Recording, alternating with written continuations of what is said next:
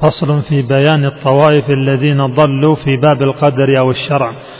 والقدرية الذين أنكروا علم الإله في الذي يقدر أو فعل خلقه والاعتزال قد أنكر خلق الفعل منه واستبد.